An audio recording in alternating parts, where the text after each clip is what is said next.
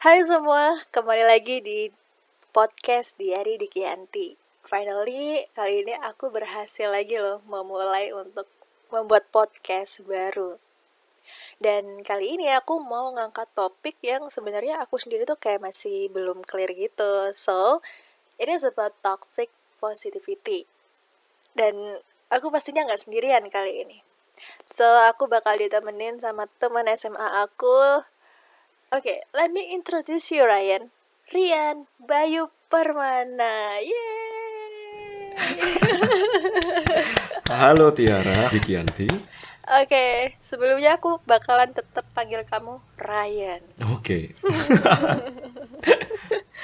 Oke okay, Ryan, go introduce yourself. Oke, okay, terima kasih buat uh, intro yang sangat menarik sekali dari Tiara ini. Uh, sama sih kita sama-sama kenal dari teman sekelas SMA dan uh, kalau oke okay lah kalau dari aku pribadi sih ya uh, perkenalkan uh, nama saya Rian bisa dipanggilnya baper tapi baper di sini tuh bukan bawa perasaan loh ya baper di sini adalah bawa perubahan wow, gitu okay, Rian okay. baper oke okay. okay. Oh iya Ryan, kenalin hmm. dong podcast yang kamu buat juga. uh, iya sih kebetulan aku juga lagi bikin podcast ini, barusan aja sih. Dan mulainya oh mungkin iya, barusan buat. Hmm, barusan buat. Mulainya itu baru sadar ketika aku punya apa ya istilahnya, punya passion buat podcast adalah ketika tahun lalu. Mungkin di pertengahan tahun lalu lah. Hmm. Dan itu aku ngerasa kayak hmm. apa ya yang bikin uh, Eh, hari-hari uh, itu biar bisa diisi biar lebih produktif lagi. Karena jujur karena masih tahun lalu aku juga masih lagi masih posisi skripsian kan. Dan itulah kenapa daripada nunggu revisi yang lama akhirnya ya udahlah kenapa nggak nyoba buat podcast aja gitu kan. Dan ya, benar benar benar benar. Semua itu berawal dari kegabutan betul ya betul banget betul banget. Dan okay. kebetulan juga nama podcastnya itu judulnya adalah selingan skripsi masih aku buat sih topiknya masih aku buat uh, tapi udah di Spotify nanti bisa di ya share gitu lah Oke, okay, selingan skripsi teman-teman jangan lupa didengerin. Oke oke, okay, okay. kita akan terjun ke topik kita malam ini Ryan, toxic okay. positivity.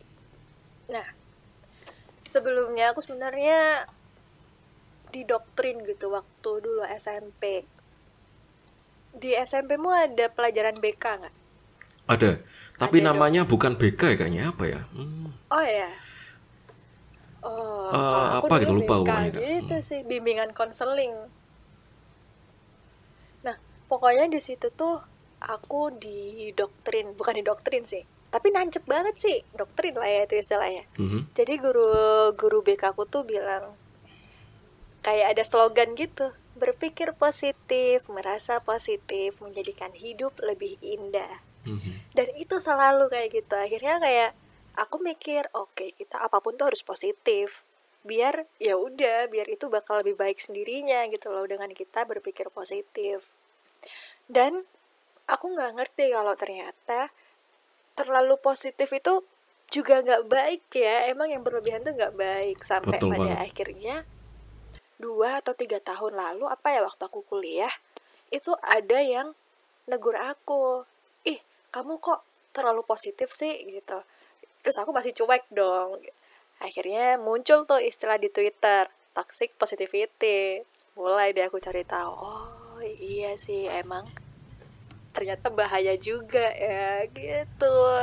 Jadi aku kayak I'm so sorry teman-temanku yang merasa aku ini sebagai teman yang toxic gitu. I'm so sorry. Sungguh. Tapi kalau kamu sendiri gimana? Dengar toxic positivity sejak kapan? Kalau dari aku pribadi sih juga apa ya? Ini kan kayak ibaratnya lah tren yang baru kan. Ini tuh keluar hmm. sama kayak uh, digital detox kemudian banyak istilah-istilah yang baru okay. yang kita kenal gitu kan. Dan ini juga salah satunya yeah. adalah toxic positivity ini. Aku baru dengar juga perubahan ini dan tahunya pun juga dari Twitter juga gitu loh. Karena kan emang yang paling update kalau jujur sih emang Twitter sih ya. Twitter. Gitu jadi. Masih baru-baru ini sih uh, istilah kenalku ini juga. Dan relate banget tuh juga sama apa yang kamu cerita tadi Tir. Uh, semua hal yang diiyain atau semua hal yang dianggap positif baik itu dari orang lain ataupun dari kita sendiri yang mengeluarkan aura positif justru malah nggak baik. Ibaratnya gini nih kalau fisika kalau kutub positif sama kutub positif dari magnet buat ketemu kan berlawanan kan harus ada yang namanya kutub positif dan kutub negatif baru bisa nyambung connect kayak gitu sih uh, analoginya gitu ya gitu dir Oke, mungkin teman-teman ada yang baru dengar kali, tapi nggak mungkin sih baru dengar toxic positivity. Sebenarnya toxic positivity itu apa sih Ryan? Kalau dari perspektifku sendiri ya untuk toxic positivity ini sih kalau aku dari bahasaku uh, ini adalah suatu hal atau suatu kebiasaan yang uh, kita rasa itu kita dapatkan dari orang lain tuh dan itu menjurus pada hal-hal yang bersifatnya tuh berulang tapi dan itu dinormalisasikan oleh orang lain. Kita juga menormalisasikan hal itu. Uh, mungkin gampangnya contohnya aja nih kalau misalkan uh, deskripsi agak susah dipahami. Contohnya nih misalkan kita lagi ngerjain skripsi kemudian ya nak tahu kan kita juga bersama-sama ngerasain sama-sama jadi mahasiswa kan. Kalau ditanya iya, nih, kalau ditanya, eh skripsimu udah sampai mana? Kita kan pasti kayak ya gitu deh gitu kan. Ya, Terus uh, sama orang lain bilang ya udah uh, semangat ya. Terus itu masih mending kalau misalkan bilang uh, bahkan ada yang sampai bilang lah lu mending kalau gua mah kayak banding banding mending mendingan uh, eh. gua guaan ya gitu gitu positif kayak perbandingan yang terlalu dinormalisasikan gitu loh. Dan itu berujungnya ke hal yang nggak baik. Gitu sih kalau menurutku definisi dari toxic positivity itu sendiri tir. Iya. Di mana kita kayak nggak menerima sama sekali nih emosi negatif kita Betul. pokoknya terimanya positif positif positif mm -mm. kamu mau jatuh ih nggak apa-apa jangan apa. sedih padahal sebenarnya kita tuh nggak apa-apa banget kan buat sedih bener, gitu bener. Mm -mm. itu sih kadang tuh yang aku emang baru mikirnya tuh sekarang ya ampun ke mana aja aku dulu iya sebenarnya udah ada di kehidupan kita loh sebenarnya toxic positivity cuman mungkin kita baru kenal istilahnya oh ini nih namanya apa yang kita lakuin normalisasi ini kegiatan itu namanya. Sebenarnya udah ada gitu loh. Hanya saja kita baru iya. sadar dewasa ini gitu kan. Tapi kalau dari hmm, emang sih kalau dari ayah ibu pun juga ya mungkin niatnya baik gak sih Ryan? Kita tuh kayak nggak sadar gitu loh. Yang aku bingungin itu tuh gitu. Karena kadang hmm. tuh kita nggak sadar ternyata oh apa yang aku bilang tadi itu ternyata toksik ya gitu. Aku tuh sampai apa ya saking takutnya kadang buat nggak toksik ke teman-teman mm-hmm. aku tuh mending diem gitu. Tapi kan aku jadinya gimana ya diem dikira nggak peduli tapi kalau ngomong aku takut jadinya toxic positivity gitu. So gak aku tuh kadang masih bingung batasannya. Kita hmm. tuh gimana sih kalau itu gimana? batasan ya berarti kita bahas tentang uh, limit yang dikasih dan limit yang kita menerima untuk ngasih batas positif ke orang lain ya. Kalau menurutku pribadi ya uh, limit di sini itu yang kita ngasih adalah diri kita sendiri tir. Kenapa? Karena uh, sebagaimana kita tahu kan mental tiap orang itu kan beda-beda. Ada yang kalau hmm. dikasih tekanan tuh semakin dia tuh malah semakin tambah kuat atau tambah oh ya rek aku udah kayak gini nih aku harus lebih bersemangat lagi. Ada yang juga kalau misalkan dikasih tekanan dianya malah uh, biasa-biasa aja tapi kemudian setelah sekian lama berselang malah makin down gitu loh. Jadi untuk batasannya mungkin dari pribadi diri masing-masing sih. Dan yang mempengaruhi faktor-faktor batasan tadi adalah lingkungannya. Bisa dari lingkungan keluarganya atau mungkin lingkungan teman-teman sekitar atau mungkin dia juga melihat beberapa uh, sosial media atau mungkin bacaannya dia gitu loh. Jadi faktor yang pengaruh juga banyak juga kita bahasnya loh batasnya itu sendiri. Iya sih. Dan aku tuh setelah ngerti toxic positivity dan cukup belajar, waktu mm -hmm. aku dapet temen yang ternyata dia toxic juga, itu aku akhirnya ngerti.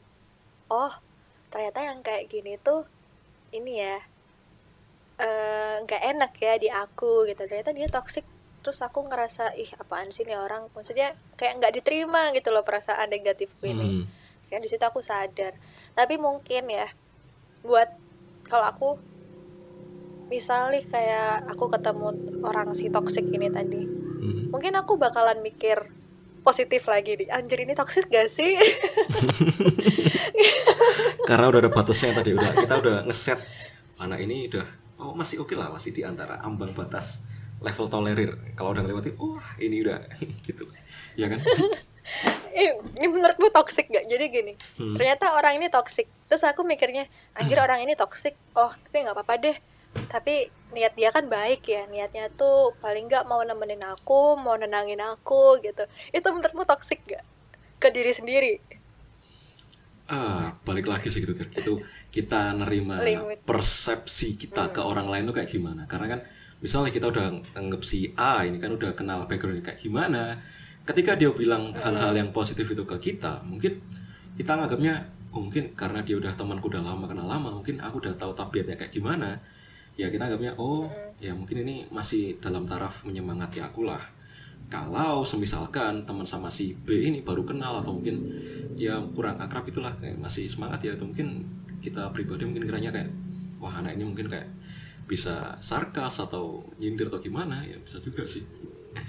Gitu. Aku masih ini sih. Tetap masih hati-hati banget sekarang. Hmm. terus menurutmu dengan kalimat ini gimana? It's okay it's okay everything will be fine. Menurutmu itu toxic nggak? Kalau di kamu sendiri deh. Kalau dari aku pribadi sih dengan dia yang bilang kayak gitu ke posisiku saat ini aku pasti sudah sadar banget kan dengan posisiku karena dia udah bilang kayak gitu. Maka aku anggapnya itu adalah hal yang apa istilah kayak uh, reminder sih bukan bukan aku anggapnya itu bukan sebagai hal yang positif atau penyemangat tapi lebih ke reminder bahwa kondisiku lah kondisiku itu lagi saat ini sekarang. Dan itu harus berubah kayak gitu. Hmm.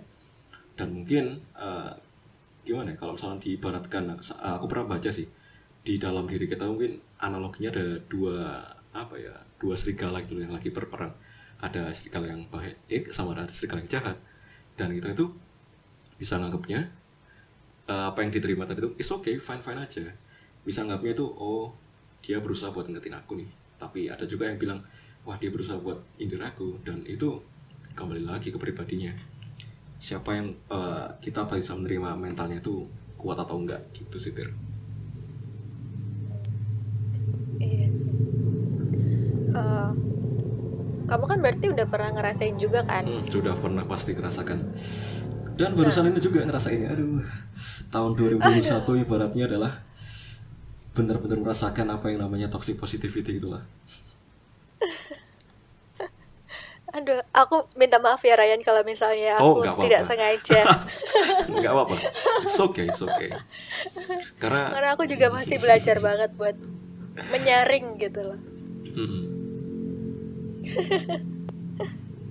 Karena emang ternyata ini tuh ngaruh banget ya ke mental health kita. Bener banget. Ini tuh ngaruh Terus, ke mental health kita uh, bener dan kalau aku pribadi ya caranya untuk biar bisa mengelola biar nyimbangkan uh, tadi nih aku bilang kan antara gimana nyimbangkan dua sisi emosi positif dan emosi negatif dari dalam diri kita aku iya. ketika di posisi yang kayak gitu itu uh, teman-temanku bilang nyemangati aku itu aku berusaha untuk mencari hal-hal yang uh, aku passion kak dengan salah satu caranya adalah dengan cara podcast tadi coba-coba buat voice over hmm. kemudian kayak gitu Betul. kemudian hal lainnya adalah aku nyoba hal baru yaitu journaling menulis hal-hal yang apa aku yeah. lakuin setiap hari aku kayak jurnal uh, bikin log harian hmm. gimana gitu kemudian nggak lupa juga buat untuk olahraga itu meskipun disempatkan uh, beberapa hari sekali lah gitu tuh itu uh, ngefek banget sih buat menyeimbangkan emosi kita. Dan itu tuh bahkan kalau menurutku bakal ngelatih mental health kita. Karena buat jadi orang yang lebih baik lagi gitu. Benar sih. Terus kita enaknya gimana ya ngerespon si toxic ini? Misalnya kayak aku lagi toxic ke kamu. Kan kalau dibiarin itu juga nanti dia bakal tetap kayak gitu gitu ya. Mau dibilangin itu juga ibaratnya kita ini disemangatin kok malah nyolot gitu gak sih? Sebab aku tuh bingung kalau ketemu orang yang kayak gini tuh mau diingetin apa enggak ya? Menurutmu gimana Ryan? uh, kalau gini tuh apa ya tiap orang kan berbeda-beda. Dan uh, persamaan dari kita semua adalah kita mungkin ngerasa kayak overthinking pada apa yang kita ucapkan. Dan itu belum tentu orang lain menerima apa yang kita Oh ucapkan itu kayak God. apa ya? Uh, kita tuh gini loh kita tuh harusnya tuh berfokus pada hal-hal yang bisa kita kerjakan dan kita bisa kendalikan. Misalkan nih uh, aku ambil contoh yang paling gampang aja yang kita lakuin sama-sama skripsi. Kita ngelakuin sama-sama kita udah kita harusnya bisa fokus dengan apa yang kita lakukan. Kita kerja ini bab 1, 2, 3, 4, 5 selesai revisian selesai semuanya kita kirim serai kita kirim revisian. Di luar hal itu di antara batas setelah kita ngirim revisian menunggu sampai dosen buat ngirim balik sampai kemudian ada teman-teman yang balas kayak "Eh, gimana prosesmu? Ya udah ngirim sampai dosen. Dan itu ya udah gitu loh. Nggak usah terlalu di overthink hal-hal yang tidak bisa kontrol atau tidak bisa kita kendalikan. Apa yang bisa Nice. gitu gitu loh. Kita tuh mungkin terlalu mikir hal-hal yang enggak enggak makanya sih overthink yang itu udah mulai apa ya nyoba buat aku pribadi kurang sih ya. Meskipun kadang beberapa kali masih datang lagi gitu kan. Gimana ya udah umur kayak gini tapi kok aku belum bisa ngapa-ngapain. Terus teman-temanku ngeliat kayak gini dengan eh, di story Iya. Instagram yang positif yang oh vibesnya lagi kayak gini nih. Eh, aku udah dapat kayak gini gitu kan. Sedangkan kalau lihat itu adalah salah satu caranya adalah kalau aku, aku pribadi mungkin dengan eh, nge-mute. Mungkin kamu juga real tuh ya. Nge-mute beberapa story orang-orang atau beberapa teman-teman yang kurasa kayak toxic apa ya hal-hal Iya, yang terlalu nggak positif baik gitu. lah Hmm, buat bener. perasaan baik kita. buat perasaan kita karena kembali tadi itu kita nggak bisa mengontrol apa yang seharusnya bukan kita Orang lain kontrol gitu lakuin. Mm-mm. Mm-mm. Karena bener banget itu sih bukan ranah kita untuk mengontrol hal yang tidak bisa kita kontrol gitu loh. Kalau malah kita nyoba kontrol, jadinya malah ya overthink gitu ntar. Gitu. kitanya kitanya Bener. yang nggak enak kan jadinya bener itu juga yang sedang aku perjuangkan sampai sekarang. Maksudnya susah banget gitu loh. Ternyata kita tuh nggak mikir sesuatu yang di luar kontrol kita. Mhm. sumpah ngerasain banget sih aku itu. Banyak banyak keadaan yang ih kok kayak gini sih? gitu. Aku mikirnya sampai akhirnya oh oke kunci kita adalah menerima. Betul nggak usah dipikir Menerima, diterima mm. aja. Yang penting kita fokus sama diri kita sendiri buat berkembang kan? Betul. Menerima dan bersyukur dan selalu berkembang buat jadi lebih baik lagi. yes that's right ah my god Karena gini ya Tira, kalau eh, kita terlalu menerima omongan banyak dari orang lain, ini tuh jadinya istilahnya adalah eh, namanya itu adalah yes man. Ini adalah apa ya? Salah satu sindrom atau salah satu yang kita tuh selalu menuruti apa kata orang lain. Eh, semangat ya kayak gini nih, oke semangat. Terus misalkan, ayo ikut aku nih ke sini, yuk ikut, eh, ikut juga ke mana lagi. Meskipun kita nggak tahu endingnya ke mana, ikut-ikut aja. Makanya dibilang yes man, kayak ibaratnya kayak air. Tapi air di sini adalah yang ngalur aja, ngalur nggak tahu arahnya ke mana gitu loh jadinya. Makanya itu harus punya apa ya pendirian gitu loh, pendirian dari masing-masing kita dan ngelatih pendirian tadi itu tadi dengan aku yang bilang tadi eh, bisa dengan journaling, nyari passion kita di mana, olahraga rutin gitu. Eh, emang susah banget buat ngomong enggak. Betul. Susah untuk kita dewasa ini semakin ya quarter life crisis kan. Bener jadi banyak banget ya bun yang dibahas. Ya ampun. Banyak banget yang dipikir gitu. Tapi emang journaling tadi itu ngaruh banget penting juga. Tapi aku masih malas untuk memulainya kayak. Kayak mungkin oh hype-nya tuh di awal doang gitu loh. Kayak se- seminggu dua minggu tiga bulan sebulan lah. Itu udah paling bagus sebulan. Terus ya udah. Besokannya oh, enggak. Hmm, semuanya tuh kayak cuman hype di awal doang. Konsisten tuh susah banget ya ampun. Jadi semuanya semangat konsisten ya. Ya ampun ini tadi toxic gak oh my god ya Allah ya pokoknya niatku baik guys Mm-mm. Kita sama-sama di sini kan berbagi pengalaman kan dan berbagi apa ya? Kita sama-sama juga pernah di posisi yang menerima dan atau bahkan nggak secara lang nggak langsung itu kayak memberi bahkan toxic Iya. positivity ke orang lain dan kita tuh nggak sadar ya kak aku juga mohon maaf kalau ada teman-teman yang dengerin ini gitu kan ya diajak minta maaf ini oke mungkin kita langsung ke kesimpulan aja kali ini ya. Oke, bisa bisa. Kalau yang aku tangkap, kalau yang aku tangkap dari obrolan kita adalah toxic positivity adalah di mana kita uh, menolak emosi negatif dan kita cuman menerima positif-positif aja yang tanpa kita tahu ini tuh ngefek banget ke mental health seseorang di mana kita tuh tanda-tanda orang positif toxic positivity itu kayak ya itu tadi nggak menerima perasaan negatif hmm, menyembunyikan emosi sebenarnya gitu loh. Waktu kita sedih kita malah nggak apa-apa ayo nggak apa-apa. Padahal sebenarnya nggak apa-apa loh diterima aja kita akuin gitu. Terus intinya sih yang titik penting dari biar nggak toxic positivity menurutku adalah kita itu mencoba untuk memposisikan diri kita seperti orang tersebut gitu loh orang yang sedang communicate sama kita. Kita coba gimana kalau kita jadi orang itu kita pengennya kayak gimana. Tapi kalau semisalnya ternyata masih dianggap toxic I'm so sorry guys anggap aja orang tersebut itu udah berusaha buat gak toxic gitu niatnya baik. Kalau emang bisa ngingetin ya diingetin baik-baik. Kalau misalnya kondisinya belum bagus ya ya next time kali ya. Itu sih yang aku dapat. Kalau kamu gimana Ryan? Uh, kalau menurutku pribadi itu kita tuh nggak bisa apa ya memfilter mana yang bisa masuk ke diri kita mana yang nggak bisa masuk. Semua tuh udah nggak bisa kita kontrol gitu loh. Apalagi yang kita nggak bisa mengontrol orang lain ya. Yang bisa kita kontrol yang bisa kita kendalikan adalah gimana cara kita itu mengatur mindset diri kita pribadi?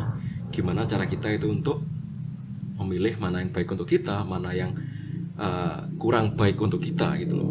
Dan untuk menerima hal-hal yang toxic positivity ini uh, cara yang bisa kita lakukan yaitu dengan cara itu uh, melimit membatasi orang lain yang sekiranya dirasa terlalu apa ya terlalu membebani kita. Bukan bukan menutup akses loh ya. Membedakan dengan mem, uh, menutup dengan memberi limit, memberi batasan itu. Boleh aja hmm. mereka masuk ke dalam diri kita. Hanya saja kita perlu tahu batas-batasnya sampai di mana. Dan satu hal lagi nih, kalau kita sudah ngasih limit pada siapa-siapa aja yang bisa masuk pengaruh hidup kita, kemudian jangan lupa nih, jangan asalkan ya udahlah mereka udah ngasih saran, beratnya udah dapat paket banyak nih di depan rumah, dibiarin aja, kan nggak mungkin juga kan, otomatis kan juga harus kita masuk uh, ke rumah kita kita masuk kita buka isi paketnya apa kayak gitu. Kita kosongin lagi kotak uh, masuk di depan rumah kita itu kita sortir ulang lagi. Jadi mau nggak mau itu harus kita terima tapi dengan dipilah-pilah kembali gitu. Dan selalu berusaha iya, buat gitu jadi lebih baik. Itunya kalau aku bisa ngasih slogan gini nih sih. Uh, jangan baper tapi mari baper. Jangan oh, bawa perasaan tapi mari bawa perubahan. Asik gitu gitu nice ya intinya kita memanage emosi diri kita sendiri hmm, juga lah ya betul. sesuatu yang di luar kontrol kita ya udah kita terima aja kita manage sendiri biar nggak jadi beban pikiran kita betul banget Tir. Oke, mungkin segitu dulu perbincangan kita kali ini. Semoga teman-teman bisa dapetin pesan dan semoga podcast ini juga berkesan. Hmm. Ryan mungkin ada kalimat penutup yang mau disampaikan?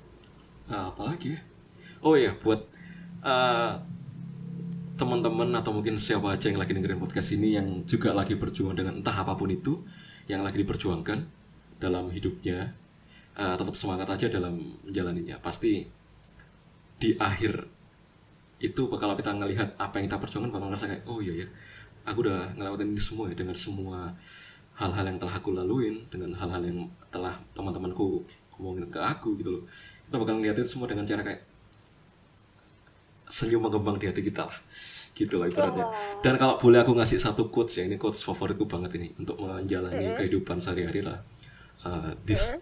this too shall pass karena ini semua pasti oh. akan berlalu karena uh, baik itu buruk atau uh, itu baik, buruk atau baik, semua itu pasti akan berlalu. Karena sementara saja, gitu teman-teman. Setuju banget. Oke, aku tidak ada kalimat yang mau aku sampaikan karena aku terlalu baper dari quotesnya Ryan tadi. karena itu emang udah bener banget aku juga lagi ngerasain itu lagi struggle banget ini jadi thank you banget Oke teman-teman terima kasih banget udah dengerin podcast aku bareng Ryan Baper Ryan bawa perubahan. Jangan lupa dengerin podcastnya Ryan di Selingan Skripsi. Nah bakal ada konten baru nih jadi dengerin ya guys. So terima kasih sudah dengerin podcast ini. Semoga hariku dan harimu selalu bahagia, bahagia. Dadah. Thank you Bye. Ryan. Thank you juga Tir. Selamat malam